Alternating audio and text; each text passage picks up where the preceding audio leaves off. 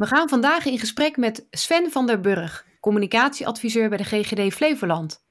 In dit geval gaan we met Sven in gesprek over het in brand steken van de teststraat op Urk tijdens de coronapandemie in 2021. Sven, welkom in onze podcast. Ja, dankjewel.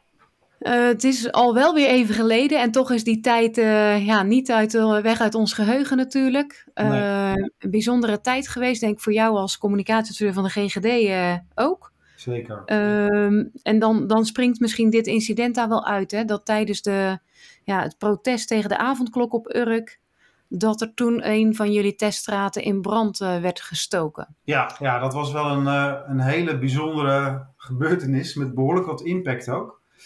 Uh, het was toen sowieso heel onrustig in Nederland, met name in het zuiden van Nederland. Er waren veel, veel demonstraties, on, onrust rondom die, die avondklok, wat je terecht zegt. Um, dus er broeide al wel wat die avond. Het, het was uh, 23 januari 2021 hebben we het over. Zaterdagavond. Ik was gewoon thuis. Ik had wel dienst, piket. Uh, en toen kregen wij, uh, kreeg ik zo rond een uur of negen, half tien uit mijn hoofd. Zag ik al wat dingen op Omroep Flevoland voorbij komen. En ook wat berichtjes dat er brand was gesticht op Urk. in een teststraat. En, we hadden daar een, een teststraat gerealiseerd.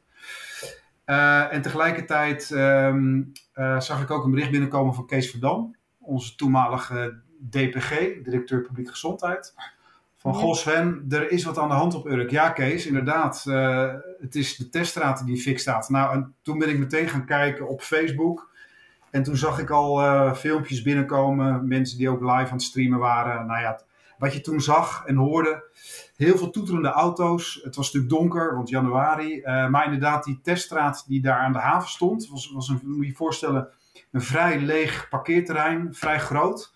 Uh, lege oppervlakte en op het midden daarvan aan de haven hadden wij een cabine gerealiseerd, dat was de teststraat. Ja, en die stond echt in lichte laaien.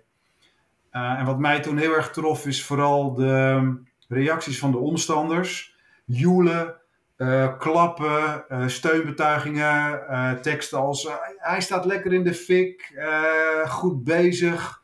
Dat vond ik echt wel heel veel impact hebben. En toen dacht ik ook van, oh shit, dit gaat wat worden. Nou ja, vanaf dat moment ehm, gingen de telefoontjes rinkelen met de media in de gemeente en weet ik het allemaal. En toen konden we aan de bak. Ja, en wat, wat uh, nou, dan kun je aan de bak, dat zeg je denk ik uh, terecht, hè? want dan komt er wel wat werk op je af. Ja. Uh, maar wat, hoe gaat het dan in zijn werk? Wat doe je dan als eerste? Met wie ga jij dan ook contact zoeken? Nou, als eerste natuurlijk met, met de directeur de publieke gezondheid, Kees Verdam in dit geval. afstemmen van, nou ja, wat, wat, is hier gebeurd en wat, wat gaan wij erover zeggen? Het was mij meteen ook wel duidelijk dat het natuurlijk een politiezaak zou zijn, zou worden. Want je hebt het hier natuurlijk over een, eh, een strafbaar feit. Uh, het was wel, wel vrij duidelijk. Daar moesten we natuurlijk nog een beetje voorzichtig in zijn dat het wel een brandstichting ging, maar daar leek het, ja, daar leek het natuurlijk al vrij snel op. Maar als overheid moet je daar natuurlijk wel uh, de nodige voorzichtigheid in betrachten. Op het moment dat je het zegt, is het namelijk ook brandstichting en dan krijg je natuurlijk een heel andere dynamiek. Um, veel persbelletjes s'avonds al, maar iedereen begreep ook wel dat ik nog niet zo heel veel kon zeggen dan dat dat inderdaad een brand was in een teststraat van ons, van de GGD op Urk. En ik ben meteen de volgende ochtend vroeg in de auto gestapt om, uh, om naar Urk te gaan, naar, uh, naar de plaats delict. En ik had ook meteen contact met uh, mijn andere collega's van het, van het testen bijvoorbeeld, van het management, van de COVID-afdeling, ja, die daar natuurlijk ook naartoe gingen om te kijken van wat, wat is daar nou aan de hand? Hoe groot is de schade en, en ja, wat kunnen we doen? Dus we waren daar allemaal vrij snel uh, de volgende ochtend uh, op Urk.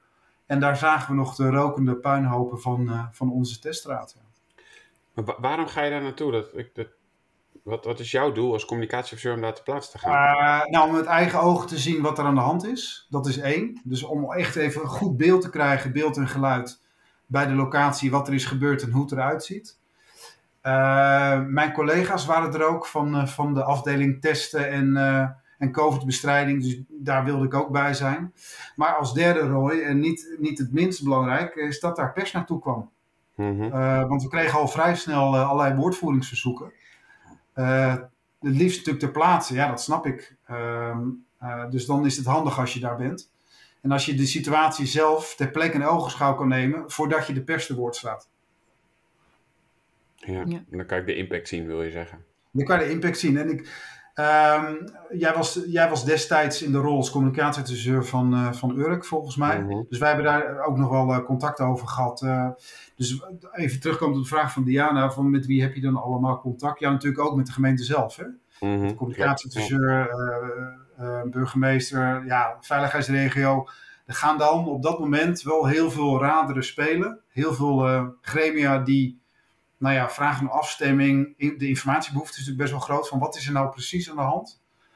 Eh, en, en, wat, wat moeten wij doen en wat betekent dat dan? Dus je probeert dan in een, nou ja, toch wel een razend tempo. Tenminste, zo voelt dat dan op dat moment. Zoveel mogelijk eh, voor jezelf in kaart te brengen van wat speelt hier nou? Wat voor consequenties gaat het hebben voor ons? En wat is nou onze rol als GGD? Want nogmaals, het was wel vrij snel duidelijk, voor mij althans, dat het een politiezaak zou worden. En dat was ook zo.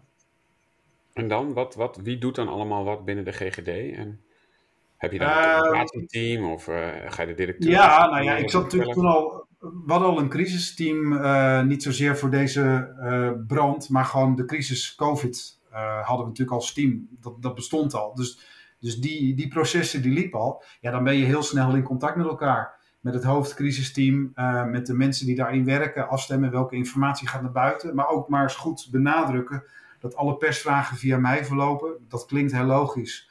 Maar soms heb je al situatie waarin mensen dat misschien eh, kunnen vergeten of ja, daar niet zo snel aan denken. Dus gewoon ook de proceslijnen goed neerzetten van alle, alle persvragen via Sven. Continu in afstemming van jongens, ik heb deze vragen binnengekregen, daar ga ik dit antwoord op geven. Vinden jullie dat goed? Eh, moet daar nog wat bij? Moet daar nog eh, eh, wat af? Maar ook, wat wordt onze kernboodschap? Want je moet niet vergeten dat bij zo'n impactvolle gebeurtenis, en ik heb het weer even teruggezocht allemaal op Google en wat we er allemaal over gecommuniceerd hebben. De journalisten buitelen dan over elkaar heen met de vraag: hoe erg vinden jullie dat? Mhm. En het is echt heel erg, hè? Ja, het is echt heel verschrikkelijk. En dan meteen die microfoon. Ja, het is ook erg. Het is ook eh, eh, eh, heel naar. Maar we hebben wel meteen bedacht van ja, maar we gaan wel meteen de boodschap erin gooien. Ja, het is heel vervelend. Dit raakt ons, eh, het is een klap in het gezicht, heeft volgens mij Kees gezegd. Hè? Als Ja. GGD is dit een klap in het gezicht. Want wij zijn er juist om die COVID te bestrijden en juist om de mensen op Urk te helpen, waar COVID echt enorm had toegeslagen. Dus dit voelt als een soort ehm, klap in het gezicht. Maar we zijn er alles, we zijn er helemaal op gebrand om zo snel mogelijk die testlocatie weer op te bouwen, zodat we ons werk weer kunnen doen. Want Dat dat, is wel- onze verantwoordelijkheid. Dat is wel een verkeerde woordkeuze, neem ik aan. We zijn helemaal opgebrand. Ja, ja dat, zeg ik, dat zeg ik dan nu eventjes tegen jullie. Maar nee, er is, er is, alles, aan gele- er is, is, is alles aan gelegen om die teststraat weer, eh, weer opnieuw Ja. in te richten. Ja, want Ja, met een toenemende kracht kan je er inderdaad ook wel, eh, ehm, nou ja, zitten er ook wel dingen in waar, waar, waarvan je denkt van, goh, het was ook, het had ook, ja, het, het was gewoon een hele bijzondere situatie. Dat was het. Ja. Ja, we lachen Maar- er nu om, maar ik weet wel volgens mij, want ehm, toen ik ernaar keek, dacht ik wel, oh, heftig. En het was niet het eerste incident in Nederland überhaupt. Hè? Er waren Nee, meerdere incidenten in. Nederland al geweest richting de GGD. En ik, Ja, maar ook mens- op Urk, eh, ook op Urk want, want daarvoor, daarvoor hadden we eh, namelijk een, eh, een testbus, eh, zo'n mobiele testbus van GGD Gewoon Nederland, op Urk gepositioneerd. ja, die is een paar keer gesaboteerd. Hè? En, dat, en dat was daarvoor, dat was eh, in december. Eh, stekker eruit trekken, vuurwerk gooien naar medewerkers, het testen onmogelijk maken. Dus er zat al een hele opbouw in, zou je kunnen zeggen, met de kennis van nu. mhm. Dus die bus saboteren, daarna die teststraat in de brand steken. Daarvoor waren er ook al enorme protesten op Urk tegen überhaupt het hele coronabeleid. Dat zag je ook wel op andere plekken in Nederland, maar Mhm. op Urk was het ook wel heftig. Dus als je daar nu naar kijkt, vanuit crisismanagement, zou je kunnen zeggen, daar zat al een opbouw in. Dus het was een Mhm. kwestie van een moment waarop letterlijk de vlam in de pan sloeg. En dat was op, eh, op Urk eh, was dat gebeurd. ja. Ehm, En toen wij, daar, toen wij daar aankwamen die volgende dag, dus dat was eh, zondag eh, de 24 januari. Toen eh, was al heel snel duidelijk dat de sfeer ook echt niet oké was daar. Je had, je had dat Mhm. grote plein, die uitgebrande teststraat. Mijn collega's en ik die daar omheen liepen om te kijken wat de schade was. Eh, ik liep toen op dat moment al te bellen met de Radio 1 journaal, die om 12 uur een live, eh, live duiding wilde van, van ons. Maar uit mijn ooghoeken zag ik dat er steeds meer auto's naar dat plein kwamen. Die begonnen ook echt rondjes te draaien. Om dat uitgebrande, die uitgebrande locatie heen. Rondjes draaien en dan ook uh, met een bepaalde intimiderende blik naar ons kijken. Dat vond ik echt wel heftig. En wat daarnaast ook gebeurde, terwijl ik aan het woord voeren was, live op, om 12 uur op Radio 1 in het NOS Radio 1 journaal, zag ik vanuit mijn ooghoeken gedoe. Toen werd er een beveiliger werd, uh, met een uh, bijtend goedje in zijn oog gespoten door een aantal jongens die op een scooter kwamen aanrijden. Daar kwam een gevecht uh, kwam daaruit naar voren en die beveiliger die hoorde bij de NOS. Die inmiddels ook al was gearriveerd. NOS was er, SBS, Omroep Flevoland was al eerder. nou, de sfeer werd echt, echt heel, heel grimmig. Steeds meer auto's, rondjes rijden rondom die locatie waar wij stonden die knokpartij tussen de beveiliger en een, uh, en een paar jongens op een scooter. Uh, die beveiliger moest ter plekke behandeld worden door een van onze artsen, die er toevallig was omdat hij ook in dat COVID-team zat. Mm -hmm. En dat was het moment waarop ik tegen de verzamelde pers zei van jongens, ik wil u met alle, alle liefde te woord staan. Dat wil ik ook echt graag doen, maar niet hier. Dit wordt echt te grimmig. Nou, iedereen stemde daarmee in. Nou, dat is echt heel bijzonder. Want journalisten en reporters uh, zijn echt wel wat gewend. Dus ik heb gezegd, we gaan naar Emmeloord toe. Daar is ook een GGD-locatie met een, met een bord waar GGD op staat. Dat is een mooie achtergrond. Daar kan ik jullie te woord staan, want het voelt voor mij niet goed. En uh, nou, dat, daar werd heel goed op gereageerd. We zijn met z'n allen naar Emmeloord gereden. Daar heb ik alle, alle media in alle rust te woord kunnen staan. Maar dat geeft wel aan wat voor situatie we toen zaten. En ik heb dat, nou ja, ik heb in mijn politietijd ook echt wel wat meegemaakt. Maar dit was echt wel uh, heel bijzonder en heel heftig. Wat goed dat je dan eigenlijk voor jezelf regie hebt gepakt op we gaan hier weg. Hè? Want dat ja. is dan, uh, ja, je kan ook denken, ja, ja, blijf toch maar staan voor de pers. Maar je hebt eigenlijk gezegd nee, we gaan hier weg, want nou ik ja, voel me gewoon precies. We gaan weg omdat het niet goed voelde. Maar ook omdat ja. ik wel voelde dat de aanwezigheid van de media... Uh, en met name gericht op de NOS, hè, die echt wel het doelwit was van, uh, van, uh, van omstanders. Ja, dat dat als een soort olie op het vuur werkte. Dat was echt als een lap, een rode lap op een stier. Ja. Um, dus ja, toen dacht ik van ja, jongens, we gaan hier weg. Want we ja. kunnen, ik kan mijn werk hier niet doen. Jullie als, als verslaggevers kunnen je werk niet doen. Het feit wat er gebeurt is natuurlijk ook wel nieuwswaardig. Maar je vraagt van mij woordvoering over dit incident. Ja, dan ga ik even naar een wat rustige plek om jullie te woord te staan. En iedereen was het daarmee eens en kon zich prima erin vinden. Ja. Ja, en wat je zegt, dat was ik weer vergeten. De NOS was op dat moment natuurlijk ook doelwit van ja. uh, heel veel uh, tegenstanders van corona. Ja. Omdat ze eigenlijk zeiden van, joh, de NOS, jullie zijn verspreider van het, uh, van het nepnieuws en van het feit dat, dat corona, jullie geven valse voorlichting, ga zo maar door. Ja, klopt. Dus er speelden echt wel een aantal issues op dat moment. Inderdaad, de, de hetsen tegen de pers. Het feit dat, nou ja, dat die avondklok natuurlijk was ingevoerd. Um, de onvrede vanuit het publiek richting de overheid. Nou, weet je, alles kwam bij elkaar. En dat, ja. dat culmineerde echt in die, in die brand op, op Urk. Um, ja, en dat is, ja, daar sta je dan. Ja, dat is echt crisiscommunicatie in optimaal formaat. Ja. Ik, ik, maar ja. ik, ik probeer me even jou te verplaatsen. Je zit daar je denkt op een gegeven moment voor mijn eigen veiligheid, maar ook voor de veiligheid van de mensen ja. daar die mij willen spreken, gaan we naar Emmeloord. Dan stap je in de auto. Wat doe je in die auto dan? Wat gebeurt er in je hoofd? Wat, wat?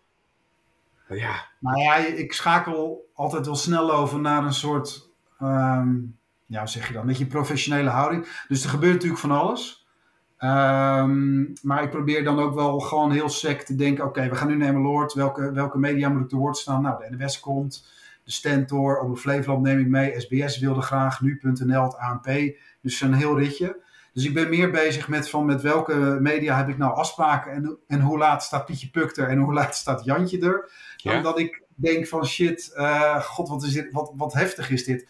Dat gebeurde wel, maar pas s avonds toen ik bij mijn ouders ja. in Emmeloord even koffie aan het drinken was en een beetje kon uitblazen. Toen, toen, toen kreeg ik echt pas een beetje door van wauw, wat is hier allemaal gebeurd. Ja, nou, en op het maar moment zelf schiet je in een soort uh, professionele modus. Omdat je, ja, weet je, ik, uh, ik was daar de woordvoerder. Het komt op mij aan. Dus ik moet dan wel die media zo goed mogelijk te woord staan. Ook nog met een boodschap die die onrust ook een beetje kan dempen. Mhm. Terugkerend op wat ik net probeerde te zeggen, journalisten willen dan natuurlijk weten, hey, wat is er aan de hand? Wat betekent dit? Wat gaan jullie doen? Met je technische vragen, maar vooral ook de natuurlijk betekenisvolle vraag, hoe, heeft dit, hoe hebben jullie dit ervaren? Hoe erg vinden jullie dit nou? Ja, het is echt heel erg. Wat gaan jullie doen? Kijk, als je, ik vind wel, tenminste dat is mijn persoonlijke opvatting, ik ben benieuwd hoe jullie daarnaar kijken, dat als woordvoerder van overheid, semi-overheid, heb je natuurlijk niet alleen een rol om te duiden wat er gebeurd is en er transparant over te zijn, maar ook om in je woordvoering zulke taal te gebruiken dat je ook probeert dat incident weer een beetje terug te brengen naar proporties, naar normale proporties. Want mhm. iedereen buitelt over elkaar heen hoe erg het is, en dat snap ik. Maar als je daar als overheid in meegaat, dan maak je de, de hoe zeg je dat? Dan daarmee versterk je zeg maar de impact en dan wordt het nog groter en nog heftiger. Volgens mij, maar dat vind ik hoor, ben benieuwd hoe jullie mm daar naar kijken. Heb je daar een rol in?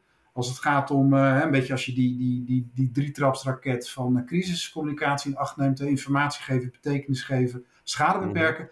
Ik vind dat daar echt een rol voor de woordvoerder in zit. Ja. ja, Om dat aspect nou ook mee te nemen in je, in je, in je woordvoering.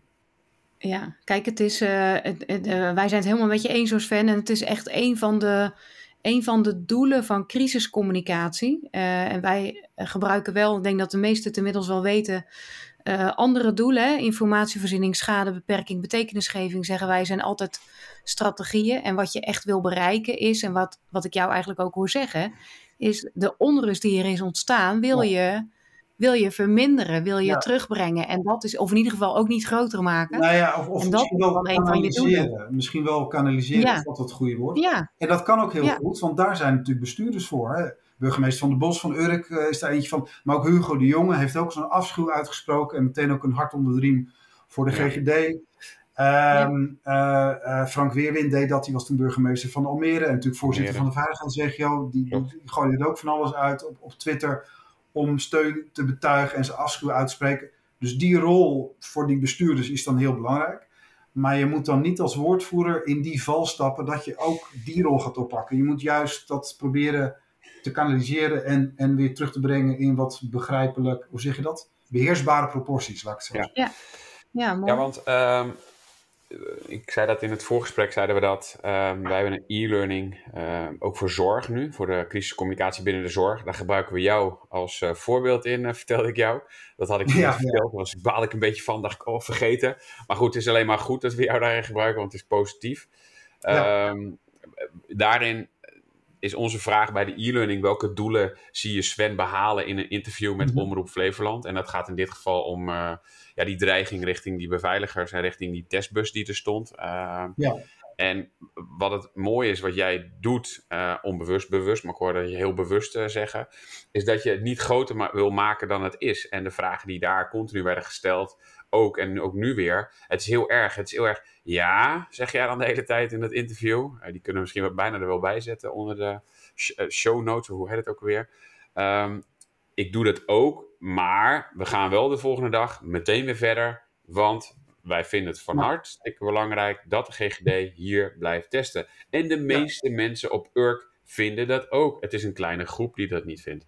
Dus jullie zaten, en ik weet dat Kees, de burgemeester, er ook zo in zaten, meteen op het doel. Ja, het is erg, maar let op. Er is een hoger doel, dat is de coronabestrijding. En daar gaan we met de gemeente Urk en de GGD Flevoland volop in. En daar staat dan de voorzitter veiligheidsregio als GGD-hoofd. want die stuurde de infectieziekte aan op. Er zat Kees Verdam, uh, helaas overleden, uh, de directeur publieke gezondheid van jou. Op, ja. um, en Kees, de burgemeester van Urk. Jullie, dat was echt een soort drie, dat voelde ik ook wel. Weet je of die drie elkaar overleg hebben gehad? Oh, dan. Ja, nee, klopt helemaal wat je zegt. Uh, we zaten alle drie heel snel op één lijn, op die mm -hmm. lijn. en dat is, een, dat is wel een bewuste, dat is een bewuste keuze geweest, maar ook voelde gevoelsmatig ook de juiste keuze, zou ik maar zeggen. Mm en dat komt ook omdat je, je moet perspectief bieden, ook in je communicatieverhaal, ook in je woordvoering. Mhm. Ja, het is erg, maar we gaan dit doen. Nou ja, je hebt het net zelf goed, eh, goed gezegd. Um, en ik denk ook wel dat dat de kracht, dat dat juist nou de kracht en de toegevoegde waarde is van crisiscommunicatie, perscommunicatie in zo'n setting. Ja. Dat je echt dat perspectief ook biedt aan mensen. Ik realiseer me in één keer, eh, Kees sprak het woord, de directeur publieke gezondheid, Sven sprak het woord, de woord voor de communicatie van de GGD. Als je het echt, als je het, het frame wil hebben, het is heel erg, dan had je natuurlijk iemand anders het woord laten voeren. Dan had je de medewerkers het woord laten voeren. Hebben die überhaupt het woord gevoerd? Ik kan me dat niet meer herinneren. Zijn de medewerkers... Nee, medewerkers hebben niet het woord gevoerd. Nee. nee. Zijn die wel... Die zijn natuurlijk... Ik weet zeker dat de media gevraagd heeft, denk ik aan jullie van... Mogen wij medewerkers voor de camera? Of niet? Nou, ik vraag me dat... Ik vraag me dat af. Uh, ik, nou, misschien wel, maar dat kan ik me niet meer herinneren. Uh, het, het zou een overweging geweest kunnen zijn, maar ik weet ook dat bij onze GGD... Uh, iedereen vindt het, vindt het altijd heel fijn. Sven, doe jij het maar. Hoe zijn wij er vanaf? Nou ja, zo, dat is een beetje overdreven. Maar ik, ik vind dat ook, natuurlijk, dat is ook mijn rol. Maar ik zag, ik zit erover na te denken, Roy. Ik vind het een interessante vraag. Ik zit me dan wel te bedenken, wat zou dan... Ik heb het niet, ik heb het niet gemist of zo. Nee, maar daarom...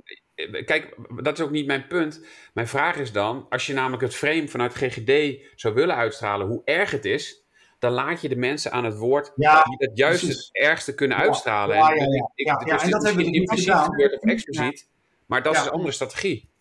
Ja, ja nee, dat, dat klopt. Ja, dat, dat, dat is waar.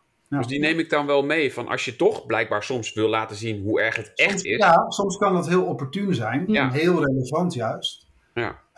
Um, ja, afhankelijk van natuurlijk het incident en de rijkwijde en de impact en wat je ermee wil en zo. Dus dat moet je natuurlijk allemaal goed in oogschouw nemen. Mhm. Maar dat, ik ben het met je eens. Dan kan het, ja, maar dan is het een strategische overweging. Ja, nee, daarom. Om juist wel een aantal medewerkers te laten zien en te laten praten over wat er gebeurt. Dat kan, ja. ja dat kan. Misschien om, om even bij die medewerkers te blijven, want um, ja, dit heeft natuurlijk impact. Uh, dus je gaat, nou, je hebt de perscommunicatie, maar je hebt denk ik ook je interne communicatie ja. richting je medewerkers die helemaal ondaan zijn en zich ook niet veilig voelen, denk ik. Nee, nee daarom. En dat, dat, is, dat is zeker zo. En ook misschien geen zin meer hebben om op Urk te gaan testen. Uh, die vraag die werd trouwens ook voorgelegd aan, aan de wethouder van Urk, Freek Brouwer. Van, uh, kunt u zich voorstellen dat uh, GGD denkt, nou, bekijk het maar, we hebben geen zin meer in. En toen zei Freek ook van, nou, dat, dat kan ik me voorstellen. Ik hoop het niet en ik weet ook zeker dat ze dat niet doen. Want, en dat klopt ook, want daarna waren we weer vrij snel terug om daar te testen. Nee, maar het klopt. We hebben intern daar echt wel flink bij stilgestaan. Kees Verdam heeft daar het woord gedaan intern. We hebben daar met z'n allen uh, hebben daarover gesproken, bijeenkomst gehouden met de mensen die betrof. En, uh, nou ja, dus dat, dat, en die interne communicatie is dan heel belangrijk. Uh, we hadden natuurlijk, de COVID, de COVID-crisis was al, was al bezig. Hè? Dus we hadden al een crisisteam. Dus die hele infrastructuur die zich bezighield met COVID, die, die liep al. Dus daar konden we ja. natuurlijk dankbaar gebruik van maken. We hoefden intern niet heel veel dingen op te tuigen om, om zeg maar de gebeurtenis te duiden en de impact daarvan in de organisatie te laten glijden. Want we hadden het crisisteam al, dus dat, dat hielp wel. Ja. Heb je nog contact ja. met collega's? Want ik, ik zei net al een beetje van ja, in heel Nederland gebeuren er dingen bij, bij de GGD, van bommen en weet ja. allemaal wat. Heb je dan onderling, ja. hebben jullie onderling een netwerk of hoe werkt dat tussen communicatiecollega's binnen de GGD? Ja, uh, ja zeker. We hebben uh, nog steeds uh, een, we hebben een appgroep in het leven geroepen voor COVID, waarin we heel snel met elkaar uh, kunnen afstemmen als er incidenten zijn. Uh, dus we kregen ook heel veel steunbetuigingen van collega's van joh, als we jullie kunnen helpen, laat het weten en tips en tricks en ervaringen delen. Dus dat helpt heel goed. Um, en wat je ook zag, is bijvoorbeeld in Hilversum, als bij een teststraat ik weet niet meer wanneer dat was. Dat was na onze, na onze brandincident. Het was iets later, denk ik, misschien wel een jaar later. Er was een explosief aangetroffen. Mm -hmm. Dat was een heel, nou, ook heel heftig. Nou, wat je dan ook ziet in dat soort gevallen is dat mensen, de, de communicatiecollega's van de GGD'en, die weten elkaar heel snel te vinden. Dus daarvoor was dat wel problematisch. Dus voor COVID, toen niemand ooit nog gehoord had van COVID, hadden we ook wel wat afstemming, maar dat was allemaal een beetje mondjesmaat en dat stelt niet zoveel voor. COVID heeft de GGD'en echt wel geholpen om ook stappen te maken in communicatie, professionalisering, professionalisering en elkaar ook snel opzoeken en voorzien van kennis en kunde. Dat heeft COVID echt wel uh, teweeggebracht en daar teweeggebracht en daar plukken we nu nog steeds de vruchten van, moet ik zeggen. Mooi.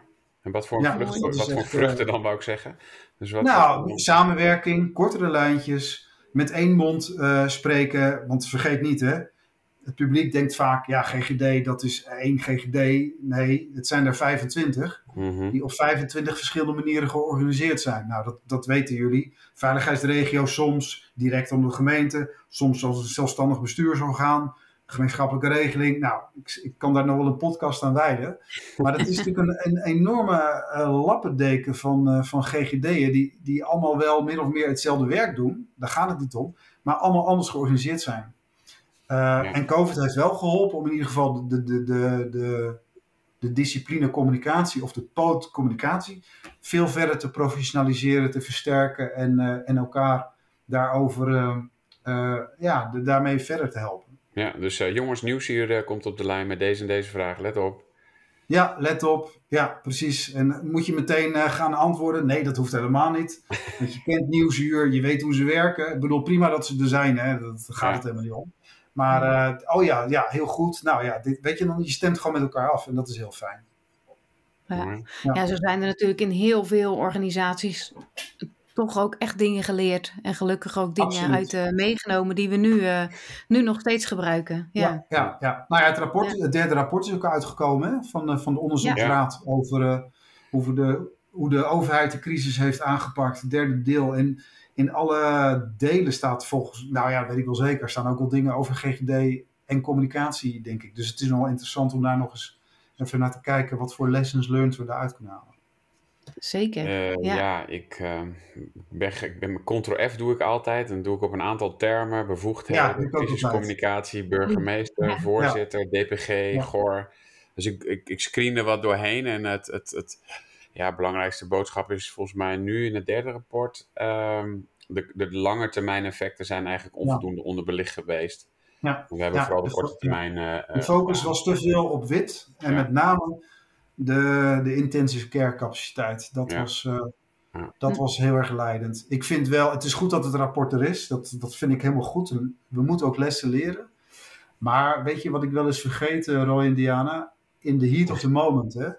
in de crisis zelf, ga er maar aan staan hoor, als minister ook hè, mm-hmm. of ja. als uh, uh, uh, departement of als premier. Ik bedoel, tuurlijk, we kunnen er van alles van vinden. Ik vind daar ook echt wel wat van. Maar in de crisis zelf, je moet wel besluiten nemen. En je weet Mm-hmm. dus niet, volgens mij heeft Mark Rutte dat heel mooi gezegd. Ik moet met, uh, wat is het, 20% van de kennis of zo, uh, 100% besluiten nemen. Zo, ja. want wist, niemand had ooit van COVID gehoord. Nee. Je kent Nee. dat van niet. Nee. Nee. Dus dat Nee. vind ik nog wel een aspect, ook als het gaat om, om evaluatie van crisiscommunicatie en hoe je dan communicatie inzet. Het is altijd achteraf met kennis van nu Mhm. en dat is heel goed. Maar vergeet ook nooit, in het moment moet je gewoon handelen. Ja. En dat, ja, en dat doe je naar beste eer en geweten, volgens mij. Ja. Nou, ik- volgens mij is het eigenlijk heel mooi om daar eh, eh, mee af te sluiten. Oh. Ehm, want dat is inderdaad ook wel iets. eh proberen er zelf ook op te letten. Want wij zijn natuurlijk ook. We, we kijken altijd mee, we volgen alles, we zitten overal bovenop. Ja, Soms willen we dan reageren, soms doen we het ook wel. Realiseren we ons, ja, maar we zijn er niet bij. Dus weet je het eigenlijk niet, hè? Want eh, zolang je er zelf niet bij bent. Dus ik vind het eigenlijk wel mooie, mooie, nou, mooie aandacht van jou om hier nog eens even bij stil te staan. In the heat of the moment eh, moet je het ook maar doen, inderdaad. zo is het. Ja, Ja, Ja, dan ga ik toch. dankjewel. Ja, Oh. Ik wil echt. Zou je nog één ding dan anders doen? Want dat wilde ik eigenlijk de vraag stellen. Terugkijkend. Zouden, zouden we dingen anders doen? Ehm, zouden we dingen anders doen? Nee, nee. Ik dat zeggen, als klinkt- je lang na moet denken, is meestal het antwoord nee. Nee, ik moet, heel lang, nee, ik moet best lang nadenken. Nee, ik, nou, ik, ik zie het niet. Misschien dat anderen die die casus nog eens terug, terugharken en zeggen: joh, je had beter zus of zo. Daar sta ik altijd voor open. Absoluut. Want ik, ja, Dat is een mooie oproep om mee te eindigen. ja, toch? Ja. Ja. ja. En wat ik nog wel wil zeggen. Wat er gebeurd was, had heel veel impact. Maar wat ook Urk is. Een paar dagen daarna werd ik gebeld. Sven, bij Bali van als Urkers, wij gaan geld inzamelen. En we hebben echt. eh, we hebben flink wat geld ontvangen van de, van de, van de Urker bevolking. Die hebben echt massaal Ah. geld opgehaald om een nieuwe teststraat te realiseren. Eh, dat is ook Urk, hè?